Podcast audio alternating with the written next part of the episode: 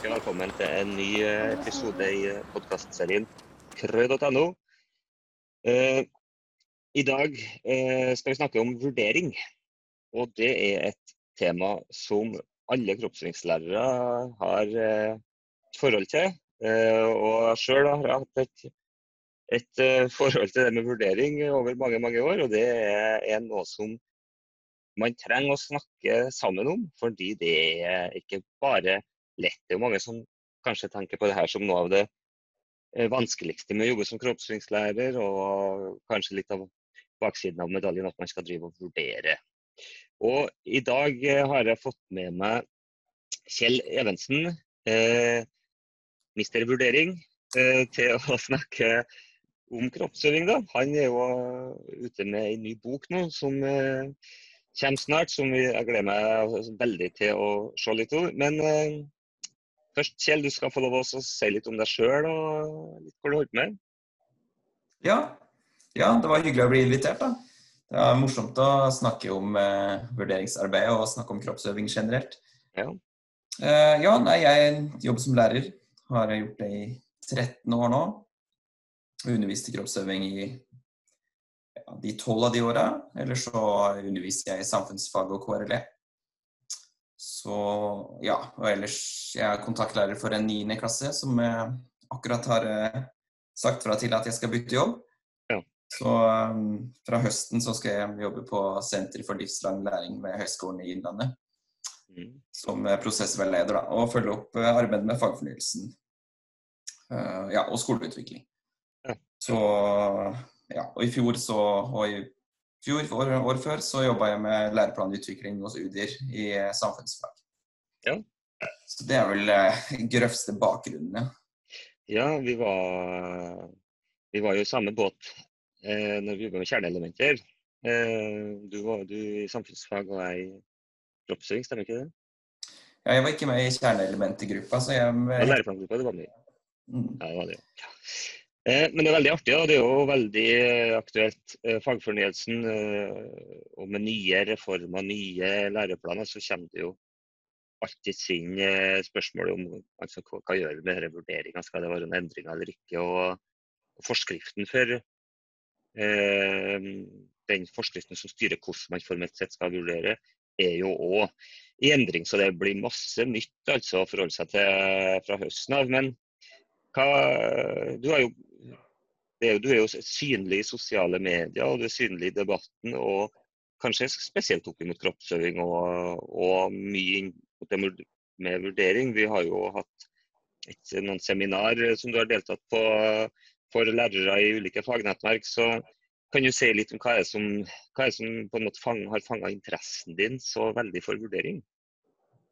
Ja, først, det er jo litt rart det der, fordi jeg har jo egentlig hovedsakelig samfunnsfagutdanning. og eh, Det var jo derfor jeg var med i samfunnsfag eh. Men eh, nå har det blitt mer og mer kroppsøving nå i det siste. da. Så, så, ja, så det er det tida har gått til nå. Men jeg tenkte vel når jeg begynte med kroppsøving, og det var jo rett etter LK06, og vi fikk jo et mye mer sånn måle- og testregime i kroppsøvingsfaget da i og med at innsatsbegrepet var uh, tatt ut av uh, vurderingsgrunnlaget. Mm. Så, men, og det tenkte jeg liksom fra dag én, egentlig, at det var veldig rart at vi skulle ha kondistest med karakter da, hver, uh, en gang i halvåret. For jeg kunne egentlig ikke skjønne at vi kunne forvente framgang i løpet av et halvår for en elev som ikke trente spesifikt mot noe. Mm. og så tenkte jeg det måtte også være relativt urettferdig å måle høydehopp etter centimeter for folk som kanskje var en halv meter i ulik høyde internt i en klasse. Så jeg syns det der var veldig rart, da. Men, men, det var jo den tida, og vi Jeg husker at vi lagde vurderingsskjemaer som På basketballen så lagde jeg et flott skjema der jeg lagde en stasjonsløype med grunnskudd og layup og piruetter og noen pasninger, og så sto jeg med skjemaet mitt på hver stasjon, og så kryssa jeg av hvor mange, hvor mange treff hadde du, hvordan så grunnskuddet ut, ga ett til tre poeng på hver stasjon. Og så hadde jeg en sånn totalvurdering, skråstrek innsatsrubrikk til slutt, som telte en del. da. Ja. Uh, men det, jeg skjønte jo etter hvert at jeg brukte jo bare den for å kompensere, egentlig. Når jeg så elever som kanskje ikke mestra ferdighetene så godt. så, men som jeg så hadde en god innsats, så, så kompenserte jeg med å justere opp på den uh, feeling-rubrikken min. Da. Så egentlig var det var jo ingen vits. Men alt dette det var veldig rart. Altså, tok, jeg fikk et tilbud om å ta videreutdanning innenfor uh, et, eller et studie på vurdering for læring her borte på Høgskolen på Lillehammer. og Uh, fikk med meg mye der og kanskje bekrefta noen av tankene. Da. Så etter det så gikk jeg over til uh, helt karakterfri underveisvurdering. Mm. Fra disse terminkarakterene. Og nå har det jo gått ti år da, uten noen karakterer på prøver og innleveringer og noen tester. Mm. Så ja, så det, det, har liksom bare balla på seg. da, og Så begynte jeg å blogge litt og prøve å liksom utvikle praksisen min den veien. da, Og det, så har det bare, bare kjørt på. Så ja har vi nå kommet til boka nå, da. Ja, det er veldig spennende. Det er jo, det er jo skrevet litt om vurdering i kroppssyn, men det, det, er jo ikke så veldig ny. Så det jo, og det skjer jo hele tiden en utvikling i skolen med ulike verktøy man har tilgjengelig, og, på en måte hvordan man jobber med faget. Og, så det er, jo, det er jo veldig etterspørsel og det er veldig behov for litteratur tror jeg, blant lærerne å, ha noe å støtte seg på. For det blir jo litt som du sier, jeg kjente jo sjøl når jeg, jeg starta som kroppssynslærer uh, allerede under L97 og, og, var med på en måte i den overgangen til K06. Og det var jo en, en merkelig tid. Jeg ser jo tilbake på min egen praksis og med litt sånn gru, altså, om hvor, hvor jeg var ikke veldig kompetent, tror jeg, men det var, det var, på en måte ingenting å støtte seg på heller. da. Vi hadde jo et fagnettverk, og der eh, på en måte krangla vi om uh, skal vi fortsette med tredelinga eller ikke. Det var det det, det gikk på i, den forrige reformen. da. Og den var jo heller ikke noe særlig uh, god for oss lærerne i at vi, vi fikk ikke noe tid til å forberede oss. Jeg husker jeg starta den høsten, og så fikk vi bare beskjed om at nå var det en ny læreplan. Og Det er klart da, det legger vi ikke opp til heller til at du på en måte skal utvikle deg på mye og og, og, og, være kritisk til din praksis. Da var det ren overlevelse. Altså. Så, men hva er det den boka di skal tilføre nå? da? Du må fortelle litt om den. Ja, reklamere litt.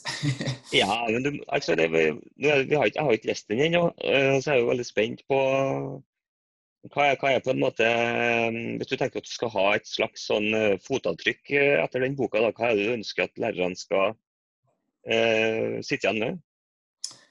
Ja, det er det som du sa, det, det mangler litteratur spesifikt på det her. da, Så mangler det jo også eh, læringsressurser og ja, nettverkene. Det blir for spredt. Så, som du sier, det er kjempevanskelig. Så det jeg tenkte her, var at her er det på en måte et, eh, et høl. da. Så det jeg håper å bidra med der, er eh, et verk som eh, er henta rett fra praksis som ikke på en måte er bare teoribasert, men som har eh, helt konkrete eksempler fra ungdomsskole på hvordan kan et vurderingsskjema se ut, hvordan er egen vurdering mulig å gjennomføre, hvilke spørsmål kan man bruke på kort sikt og lang sikt. Um, hvordan kan man egentlig bruke tester for å, i læringsøyemed? Um, ja, hvordan skal man vurdere kompetanse? og hva er egentlig kompetanse. Så jeg tenkte kanskje at dette må være et tilskudd til det praktiske. Da. At dette kan bli mer en sånn mer håndbok enn uh, et uh, teoretisk dokument. Så mm. forhåpentligvis uh, Det er jo skrevet med mitt perspektiv fra ungdomsskole, men ideene og verktøyene skal jo også kunne brukes i barneskole og videregående. Mm. Ja, det tror jeg det er forholdsvis universelt, og i, og i bunnen så ligger det jo den samme styrings, det samme styringsdokumentet gjelder jo i hele 13-årige løpet. Så hva man på en måte skal gjøre eh, formelt sett, er jo likt gjennom, gjennom skolen. Så vil det jo selvsagt ha sine Det vil jo se litt annerledes ut ut ifra alder på elevene, hvilke kapasiteter de har til å bruke ulike verktøy som du snakker om da, i, i vurderinga. Men jeg er som sagt veldig, veldig spent på boka, veldig glad for at det kommer en bok. Og, og, og, det blir Ja, det blir Jeg tror det blir et veldig godt uh, verktøy. Uh, for jeg er opptatt av at, å oppfordre i alle sammenhenger om at, om at kroppsøvingslærere må bli litt flinkere til å snakke sammen. Da. Og for der ser man at det er, det er rett og slett altfor mange som på en måte ikke ønsker å, å diskutere praksisen sin, ikke ønsker å dele øh, Kanskje de deler hva man gjør, og sånt, men det med å gå inn i de fagdiskusjonene er ofte litt sånn uh, vanskelig, altså. Ja, det, og det har jeg tenkt en del på sånn Jeg kan jo noen ganger ønske å bare forklare folk hvordan ting skal være. Men det er du ikke så interessert i å høre om. Så um, jeg tenker at det er viktig å vise fram gode eksempler, Eh, delta i debatten, tørre å ha en diskusjon rundt temaene, og så gjør du din egen refleksjon. da. Ja. Så tenker jeg at det er viktig at man, som du sa med når LK06 kom, vi var, vi var ikke forberedt på det. Og måtte uh, finne det ut der og da. Og da ble løsningen at vi lagde detaljerte skjemaer og brøt, målene ned så mye vi kunne. Men jeg tenker vi må ta utgangspunkt i at vi gjør det beste vi kan med det vi har nå. Og så får vi ny kunnskap og ny erfaring, og så endrer vi praksis, og så gjør vi det bedre. Det var ikke nødvendigvis feil det du gjorde før, men det var det du kunne få til med de verktøyene og de mulighetene du hadde da. Så, så jeg syns det er litt synd hvis vi skal sitte og holde, holde, på vårt eget opplegg, da, eller ikke tørre å vise fram praksisen vår fordi uh, den kan bli oppfatta som feil. Mm. Og det, kanskje du har gjort noe feil, og det, altså alle har antageligvis gjort noe feil der. Men hvis vi kunne tenkt oss at ja, ja, da får vi diskutert, og så lærer vi noe mer, da fremfor at man eh, eh, oppfatter det som kritikk. Fordi et, en utfordring for lærere er jo at praksis og person er så tett knytta sammen. Så kritikk av din praksis vil gjerne oppfattes som kritikk av deg, og det kan være veldig vanskelig å takle. da. Så hvis vi kunne klart å løsrive praksis fra person, og så diskuterer vi praksisen vår, mens du som person du gjør en profesjonell jobb og du gjør det beste du kan og tar i bruk de verktøyene du har, men vi er villige til å diskutere praksisen. Da tror vi vi kommer langt. da. Ja, og der tror jeg jo at hvis man i enda større grad diskuterer praksis i kroppsøvingsfellesskap, så vil det ikke bli så personifisert. Da, skal jeg si. da er det ikke bare ditt. Da oppfatter du ikke bare som ditt eh, det du har på en måte kommet fram til at du skal gjøre og hvordan du skal tenke. men og det blir på en måte litt mindre personlig hvis, hvis man sammen har diskutert seg fram til det her. Og, og kanskje tenker at jeg gjør noen ting som jeg står veldig veldig inne for, men så er det jo noen ting vi på en måte har blitt enige om at vi, sånn skal vi gjøre det på skolen. Er ikke 100% enig, men sånn har vi blitt enige om at vi skal gjøre det. Eh, men utfordringa har jo sjøl jobba på veldig eh, små skoler til tider og, og vært eneste kroppsøvingslærer. Og det er klart, Da er det jo ikke lett eh, å verken finne anledning eller tid til å faktisk få diskutert noe med noen. Eh, og det er jo en utfordring, er det jo da. Selv om faget det er jo ikke et lite fag, men det er jo et fag som kanskje heller ikke blir prioritert når det er snakk om fagdager og man skal sitte sammen i fellesskap. Jeg underviser jo i, i matematikk bl.a. Og da ble det jo ofte at måtte gå på matematikkgruppa når det var en fagdag eller noe sånt, så fikk vel kroppsøvingsgreiene eh, ordne seg, altså. Så, men det er litt av bakgrunnen for at jeg har har starta den sida krø.no, er jo å prøve å, å, lage en del sånn støttemateriell. Jeg tenker jo at disse episodene med podkaster kan være noe man kan støtte seg på og høre på om man sitter sitte litt alene i fellesskap. Uh, og I tillegg så legger jeg ut noen refleksjonsspørsmål som man kan ta utgangspunkt i når man skal uh, altså høre de episodene. Så har man man kan liksom tenke på sjøl eller diskutere sammen med andre kollegaer. Da. Så jeg tror det er kanskje litt lettere nå i altså med inntoget av mer digitale verktøy i eh, hverdagen til lærere, så er det, åpner seg en del muligheter. Så jeg vet ikke om du Er det noe du tar opp i boka, det med bruk av digitale verktøy? Det er jo noe jeg interesserer meg veldig for. Ja, du, ja for du jobber jo mye med omvendt undervisning og den typen uh, ja, den typen undervisning. Da. Men nei, jeg har tatt opp eksempler på hvordan man f.eks. kan bruke kamera, filme bruke det i egenvurdering og hverandrevurdering f.eks. Så, så jeg tenker at det er et ypperlig, ypperlig, verktøy for oss å bruke. Og jeg er opptatt av eh, elevenes egen læringsprosess. Det er at de får eierskap til sin egen prosess. Og Sånn sett tenker jeg at videoverktøy eller podkast, sånne type eh, arbeidsformer og vurderingsformer kan være med på å bidra til at eleven får eh, større eierskap til sin egen eh, læringsprosess. Da. Mm. Så, og jeg tror nok det at sånn podkaster, sånn som det initiativet ditt her, er jo supert. Vi har, det finnes jo flere, masse podkaster nå eh, om eh, skole. Og det finnes også Vi har masse forskjellige blogger, eh, Facebook-grupper. Så det finnes store muligheter nå for å orientere seg i forskning og debatt på nett. Og det tenker jeg er viktig at vi sprer det, da, at vi får med flest mulig inn i den debatten der. At det ikke bare blir på en måte vi som er mest engasjert som styrer debatten. Da. Det er viktig at, vi, at, det kommer flere stemmer, at, uh, men også at man på en måte når ut til flest mulig. Da. Så, det, jeg snakka jo med forlaget mitt om uh, angående boka. Som de sa, lærere kjøper veldig lite bøker. Ja. Og det, og det, er vel kanskje ikke så rart, fordi du har ikke så god tid. Du har nok med hverdagen. Men uh, sånn sett så disse små podkastene og blogginnleggene og Jeg tror du kan få mange drypp der som kan kan bidra til en bedre praksis. Mm. Ja, nei, jeg tror det er viktig å, å legge til rette, og, og, så er det viktig for lærerne å prøve å Innerst inne så må man jo på en måte ha et ønske om å, om å, å rette et ja, Kanskje ikke kalle det et kritisk blikk, men rette et blikk på det man jobber og gjør da, som lærer. Det er viktig altså for altså, samfunnet i utvikling. og og, og, hverdagen til elevene endres fra tiår til tiår drastisk. ikke sant? Sånn at, og det handler jo om at skolen ikke på en måte blir fjernere og fjernere i forhold til hverdagen til elevene. altså De må på en måte kjenne seg igjen i ting i skoledagen som de gjør i resten av dagen. Ellers er det jo forfattere som sier at altså, hvis at det gapet mellom opplevelsen av, av skoledagen blir for stor i forhold til hverdagen, så finner på en måte unge som vokser opp, de finner andre måter å, å utdanne seg sjøl på.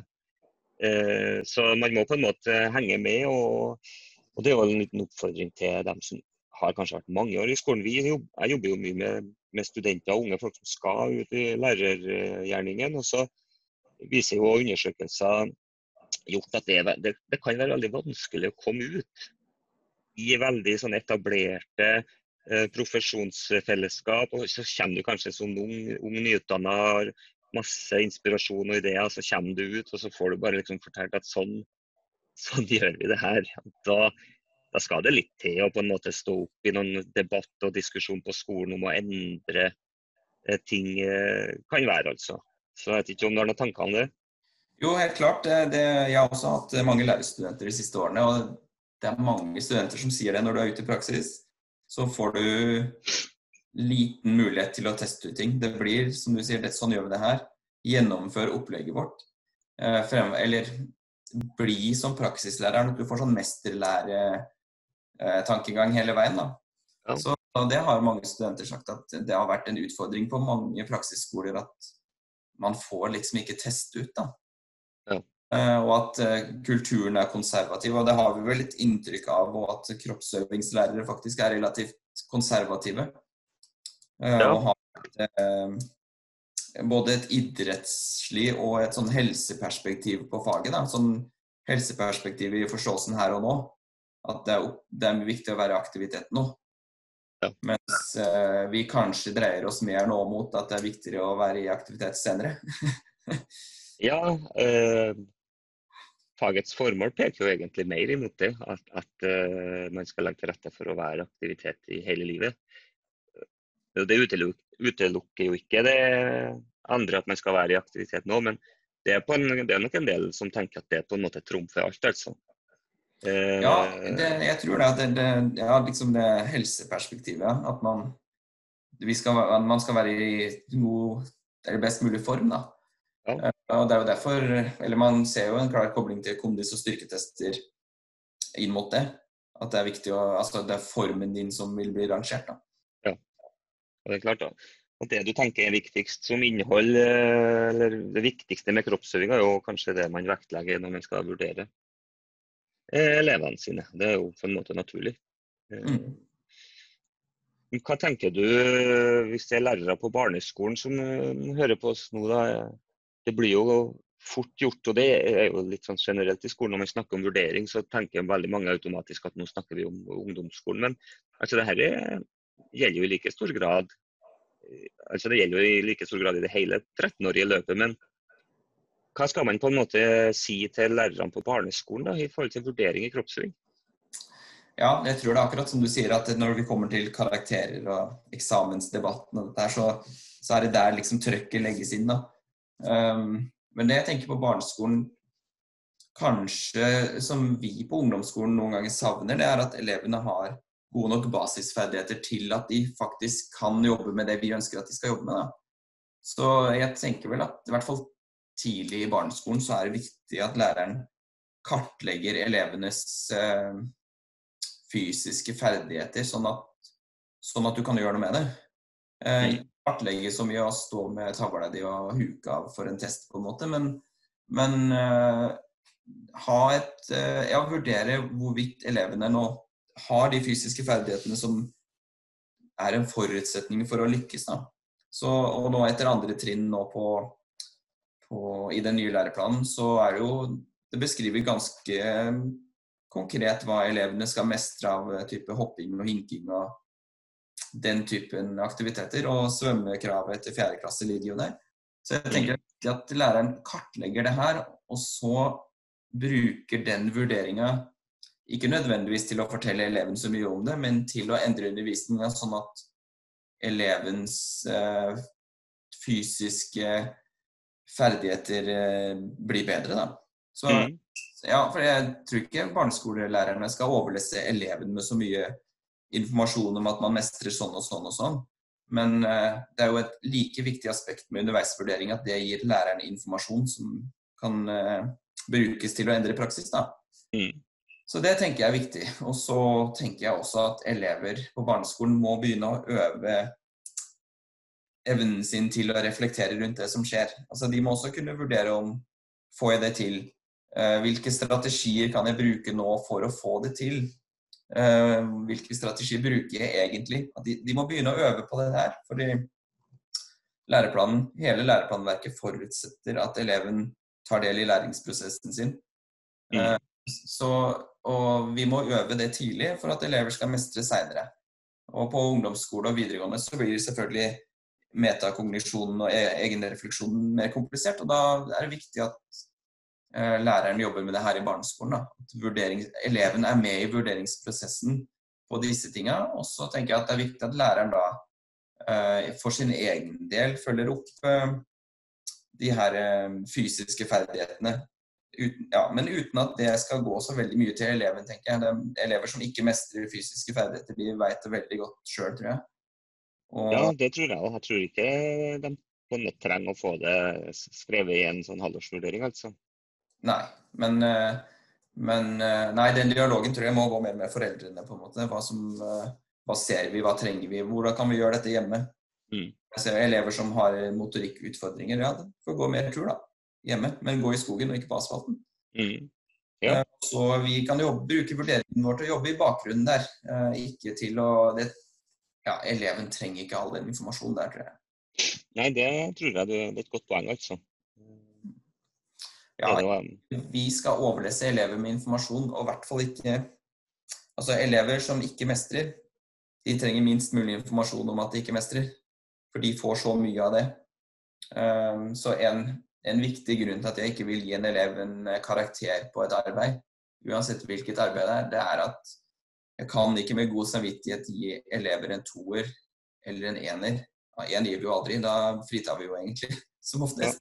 Men en toer denne uka, og så får den en toer neste uke, og en toer uka etter, selv om eleven gjør det beste den kan.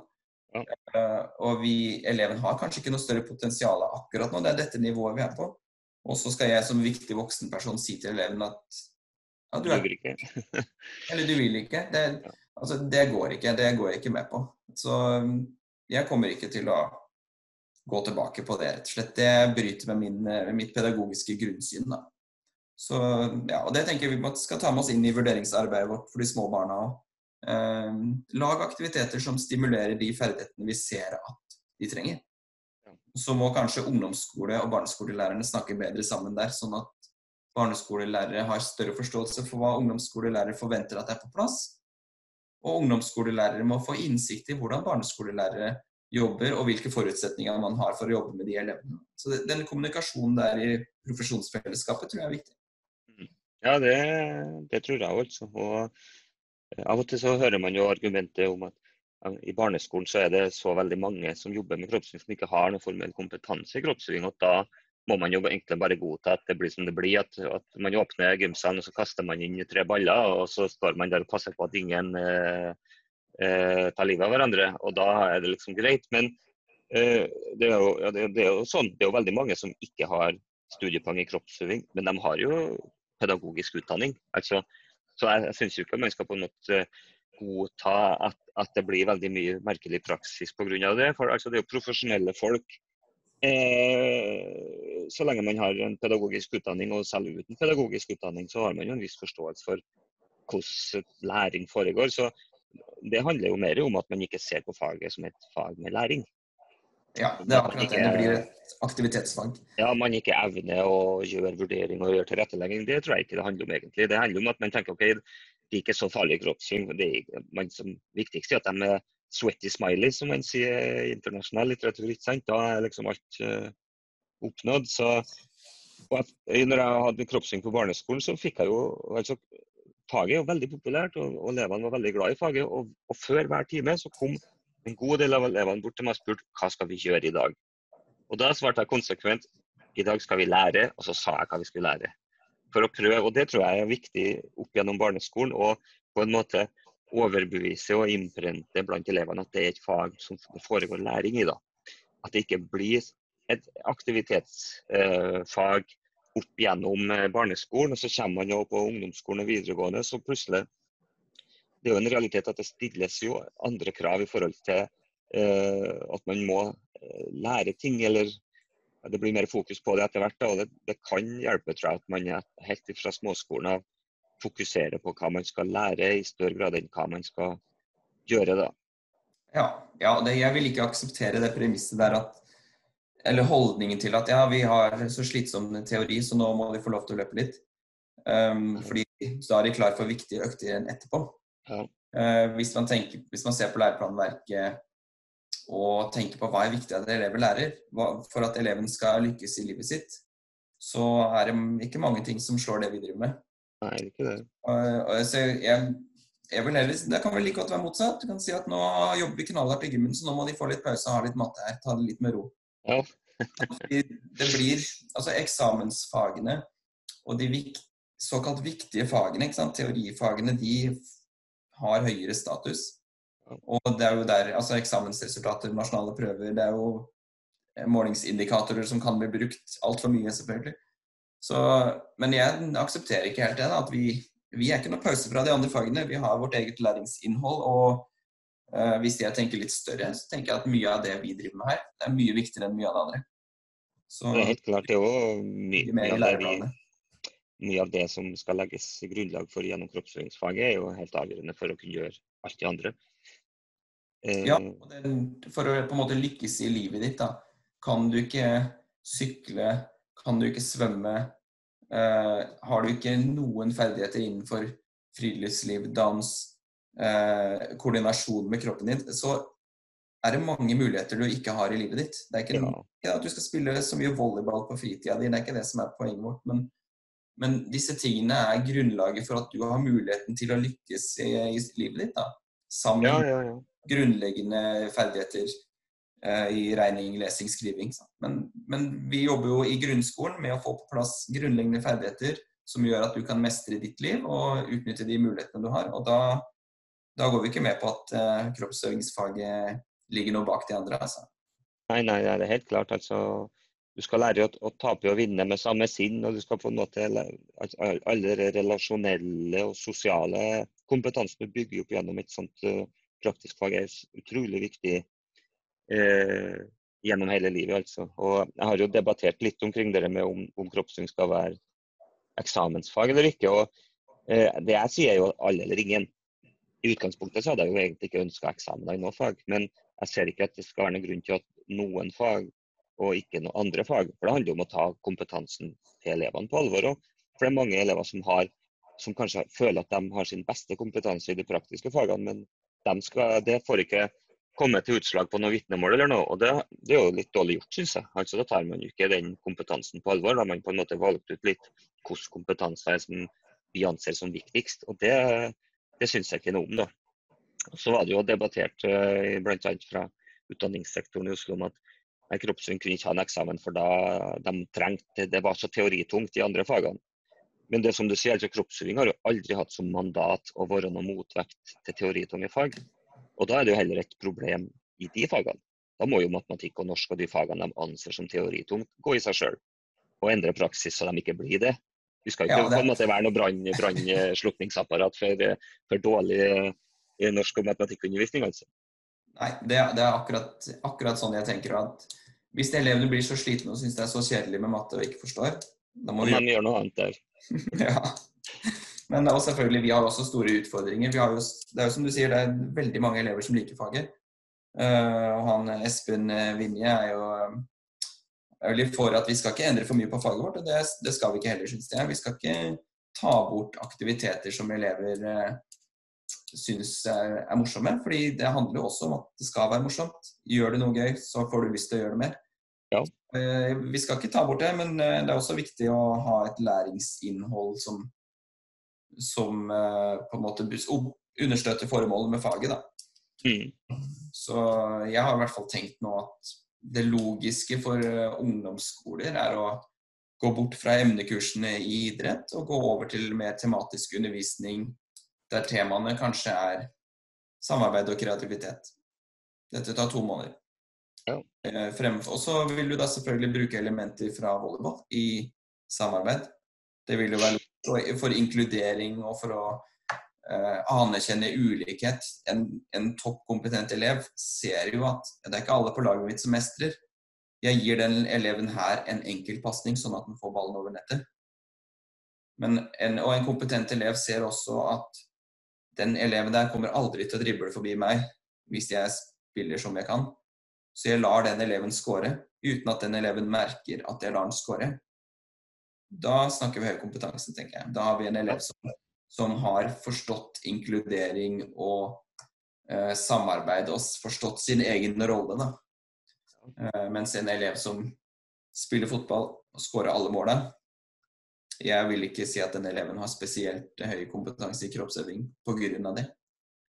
Nei, det, det er nok i alle fall ikke noe noen lineær sammenheng Nei. mellom de ferdighetene. Nei, det det er fint å høre du si det der. altså. Jeg konkluderte jo med noe av det samme i den doktorgraden jeg leverte, om at man må gå bort fra den multiaktivitetsmodellen eh, der man på en måte har eh, ja, idrettsaktivitetene da, i noen uker, så neste og så neste, kanskje i et sånt spiralprinsipp, men å gå over til mer tematisk basert eh, bolker der at det er helt tydelige mål for hva man skal oppnå.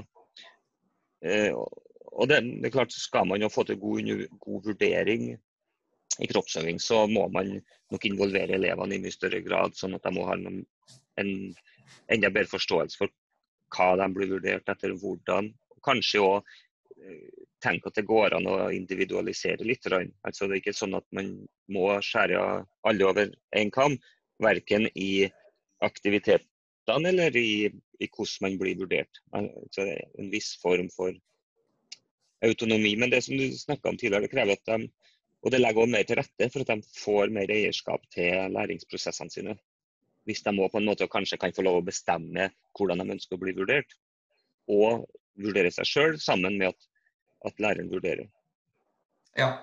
ja da, så da tenker jeg det er viktig at læreren legger opp til aktiviteter der du får tid til å se på elevene, der du ikke sjøl er den som jobber hardest. For det, det, ser jeg mange ganger lærere som dømmer kampen, og som er så opptatt av dømminga at du ser egentlig ikke hva elevene driver med. Ja. Så du, du, må lage aktiviteter der du får se. Ja. Hvis du har da egenvurdering eller hverandrevurdering, så må du stå sammen med eleven. Uh, et, et, typisk eksempel på det er kanskje å spille hjørnefotball, da, som jeg tror alle, alle, gjør det i løpet av ungdomsskoletida, tror jeg. Eh, men læreren står eh, gjerne midt på og ser på kampen. Men der tenker jeg at læreren skal stå sammen med et av lagene som har pause. Du skal snakke med de elevene, for aktiviteten surrer og går. Men det er viktig å stå der og snakke med elevene om hva slags strategi har vi på laget nå, Hva kan vi gjøre her? Eh, hva fikk vi til? Hvordan kan du gjøre neste gang? Har du gitt positive tilbakemeldinger? Så stå der og være i den dialogen med eleven, får, eller høre på elevene snakke. Da får du mye informasjon som lærer. da. Ja. Men eh, står du med et fløyta midt på, så tror jeg kanskje at du går glipp av mye informasjon. Og du har jo ofte veldig mange elever å følge med på. Ja, det er det. det man, må, som du sier, man må finne strategier for å For du kan ikke basere alt vurderingsarbeidet på å skal snakke med en og en elev uh, utenom undervisning, liksom. Det må flettes inn og hele tida av, avveies hvor mye tid Altså de tidsressursene man har til rådighet. Altså. Så, men det blir, det blir Ville du avbrøt deg, Kjell? Nei, altså, jeg, på, jeg satt og tenkte litt i går faktisk på det her med vurderingssituasjoner. da, som er liksom en, Det er jo en sak, og det har jeg om, skrevet mye om på bloggen min før. og sånn, Men så har jeg tenkt, liksom, tenkt på en vurderingssituasjon. Hva er egentlig det? Ja, det er hele tida. Ja. Du, du, ser etter kompetanse hele tida. Trenger vi egentlig da å ha en time som er satt av til vurdering? Eller trenger vi å ha en prøve eller en framføring der man liksom viser kompetansen din? Gjør du ikke det hele tida? Så kanskje man, altså man, Elever må jo kanskje levere inn en tekst inniblant, eller et refleksjonsnotat og en film og et produkt. Men man kan, jeg tror ikke man bare skal tenke på at det er det som er vurderingssituasjonen. Det foregår hele tida. Og når du ser elevene være i aktivitet, så ser du masse kompetanse som du må prøve å få med deg. Ikke vente til den timen vi skal spille kamp, og så skal vi se på kampen. Ja, for det er jo når du skal da etter hvert uh, gjøre vurderinger eller avslutte vurderinger, så har man jo en viss sånn magefølelse. ikke sant? Og den er jo noe som er bygd opp gjennom alle de observasjonene og, og den kjennskapen du har til til eleven. Og dess bedre du kjenner eleven, dess mer bedre stemmer nok den magefølelsen. Ja, og det tror jeg kanskje at læreren kjenner eleven sin godt, samtidig som med profesjonelt blikk så tar det ikke mange minutter å se hvordan denne eleven ligger an. Får, det er fort gjort å få et grove overblikk over det, og så etter hvert så ser du mer. Og så må du stole på ditt profesjonelle skjønn. da. Ja, man må det. Og men jeg husker for en god del år tilbake så fikk vi beskjed av skolen at, at elevene hadde veldig sånn krav på å vite når de ble vurdert og ikke. Det syns jeg var veldig vanskelig. Altså, hvordan kan man i kroppsøving si at i denne timen blir du og du vurdert, mens dere andre ikke, f.eks. Man kan jo ikke distansere seg fra inntrykkene man har av elevene. Altså, og, og det er jo som sagt totalkompetansen til eleven i faget man skal vurdere. Ja, og det, det, der har jo Jeg tolker i hvert fall det som et uttrykk for at vurdering er et kontroll- og strafferegime. Ja. Der du skal vite nå, fordi nå er det seriøst. Til denne prøva må du pugge. Eh, det handler om å prestere her og nå, og vi skal se at du presterer nå. Eh, og hvis du ikke gjør det nå, så går det nedover med karakteren din. Ja, ja at det er på en måte et slags eh, Litt sånn som ordenskarakter, på en måte. Du starter på beste nivå, så kan det bare gå nedover. Det, det er liksom et, eh, Og så har du anmerkninger da, som sånn på en måte trusselsystem i bakgrunnen. Ja. Så jeg tenker at det er ikke veien å gå for å eh, for elevers beste, da, for elevers læring og for, eh, for å være i en prosess. Så jeg tenker vi skal gå mer på prosess og mindre på det formelle der. Ja. Vi skal begynne å runde av denne episoden. Eh, og Det er ett spørsmål jeg bruker å stille alle sammen helt til slutt. Eh, og Det er kort si hva er det for mye av og hva er det for lite av i kroppsøving? Ja, det er, et, det er kanskje litt rart å si, men jeg tenker det er for mye aktivitet. Jeg. Altså, Elevene de er for mye aktivitet, som gjør at de får litt for liten tid til den egne refleksjonen. Um, jeg tenker jo kanskje at uh, det er utfordrende hvis du har for korte økter og at det er spredd utover uka. I et sånn helseperspektiv, da, at vi må ha et drypp nå og da. Kanskje det er bedre å ha litt lengre økter med faget vårt, og så ha tid til refleksjon. da. For det er for lite av det. Eh, både barneskole og ungdomsskole så tror jeg elevene de er for lite bevisste på sin egen prosess og kommer ofte for å være i aktivitet. Ja. Og Det skal de få lov til, men, men, vi skal ikke bare ha aktivitet. Det ikke, skal heller ikke matte bare være oppgaver. Så, så, jeg tenker kanskje at det faktisk er litt for mye aktivitet. Og så er det litt for lite refleksjon. Det var kloke ord. Og med det så vil jeg takke Jens Kjell for at du tok deg tid til å snakke, snakke med oss uh, i denne podkasten her. Og så får vi uh, se da, hvordan det her uh, bærer seg av sted til høsten. Deler av ungdomsskolen i alle fall. Tiende starter jo året etter. Men så får vi snakkes igjen senere. Og for det her med vurdering er noe vi må diskutere flere ganger. Så tusen takk. Jo, takk for at dere fikk være med. Da får vi snakkes igjen senere.